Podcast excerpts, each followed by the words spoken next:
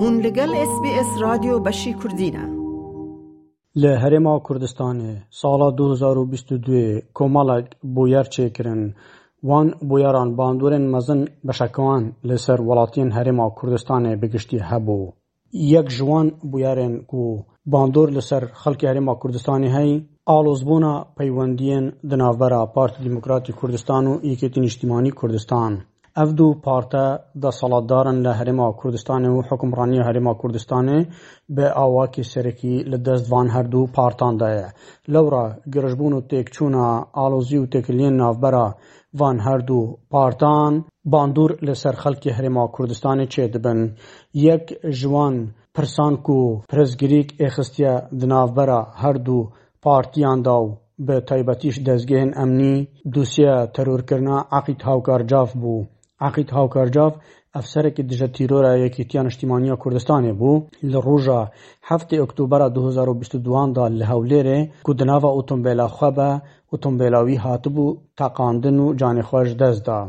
Vê yekê girjiyên mezin çêkirin di navbera wan kadir û endam û layengir û berpirsyarên van herdû partiyan.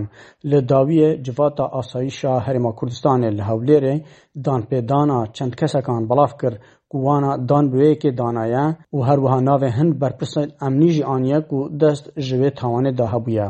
Lê dije tîrora Yekîtî di ragihandinekê de FYEK red kir ku efserên Yekîtiya Niştîmanî ya Kurdistanê dest ji vê tawanê de hebe.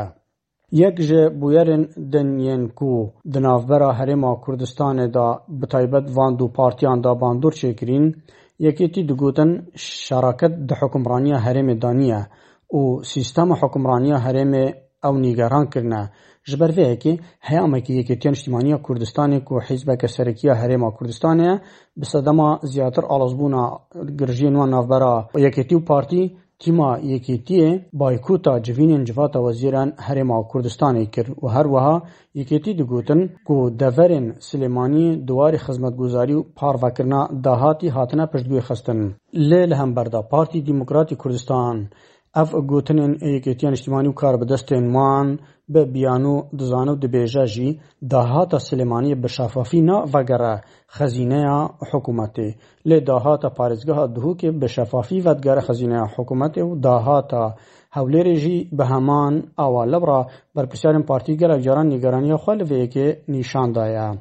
Pirseke din ku bandorên mezin çêkirî li Parlemana Herêma Kurdistanê dema xula pêncê ya parlemanî bi dawî were û xelkî ku ji bo çar salan deng bi wan parlemantaran dabû bi dengên heştê parlemantarên Partî Demokratî Kurdistan û Yekîtiya Niştîmaniya Kurdistanê û heft ji parlemantarên Fraksiyona Goran jî û herwiha yazdeh pêkhateyan jî xula pêncê ya parlemanê Kurdistanê ji bo heyama du werzan yanî dibe yek sal hat dirêjkirin. Lê her di nava Parlemanê Kurdistanê de beşeke mezin ji parlemantaran jî nîgeran bûn û bi ser arasteyên xwe de dabeş bûn. Ji wan a pênc parlemantarên Fraksiyona Yekgirtuwa Îslamiya Kurdistanê ku wana yek xet hebû ku ser bi Hizba Yekgirtû bûn, ewan pênc parlemantaran dest ji parlemantariyê vekşandin û û naçin Parlemanê Herêma Kurdistanê û dibêjin Parleman dema wê bi ser ve çûye ya yasayî lewra ew car din nava girin Parlemanê Kurdistanê. Lê Parlamentarekî fraksiyona Goran jî bi navê Şayan Askerî dest ji karê xwe yê parlamentariyê berdide. Li hember de sê parlamentarên fraksiyona Neweyî Nûê jî ku ew bi xwe bi parteke opozîsyon dadin di nava Parlamenta Kurdistanê de wan jî got Ew êdî berdewam nabin û her wiha xola pêncê ya Parlemanê Kurdistanê bi dawî hatiye û ev dirêjkirin jî ne yasa ye û naçin nava hola parlemanî. Dozdeh parlemantarên fraksiyonên cuda cuda yên Parlamenta Herêma Kurdistanê jî boykota civînên Parlemanê Kurdistanê kir. Ji aliyeke din ve bûyereke din jî nîgeranî di nava Herêma Kurdistanê de çêkiribûn. Ew jî ew bû ku ji bal Tirkiye û Îranê ve êrişî ser deverên Herêma Kurdistanê dihatine kirin, di sala du hezar û bîst û duyê dî jî de hin hêriş karvedanên mezin çêkirin ji wan a ji bal Îranê ku êrişî ser bingeh û baregayên Partiyên Kurdî kirî her li sinûrê parêzgeha Silêmaniyê heta sinûrê parêzgeha Hewlêrê weke Zirgwêzya Silêmaniyê û her wiha bajarê Kûyê ya ser bi parêzgeha Hewlêrê ve û Pirdê ya ser bi parêzgeha Kerkûkê.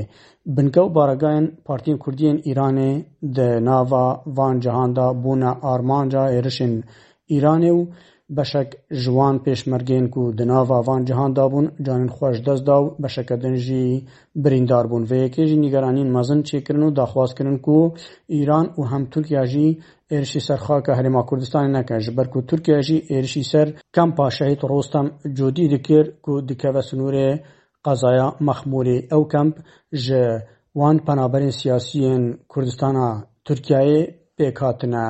Lewra van êrişan karvedanên mezin çêkirine û dixwazin ku sala du hezar û bîst û sê ew hêriş nehên kirin.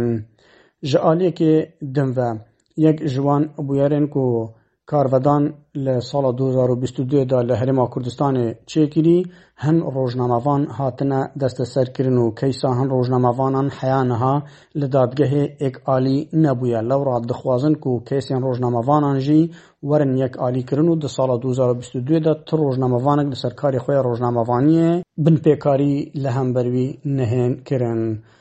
Welatiyên Herêma Kurdistanê jî bi komeleka qeyranan derbas bûn di sala du hezar û bîst û du de. Ji wan a kêmiya benzîn û her wiha kêmiya petrol û her wiha bilindbûna hewcedariyên xwarinê yên rojane. Van bûyeran di sala du hezar û bîst û du de karîgerî li ser xelkê Herêma Kurdistanê hebûn. Ahmed Gafûr, Beşa Kurdî, SBS. Hewlêr. Like bike, pareve bike, têbiniya xwe binivsîne, SBS Kurdî li ser Facebook bişopîne.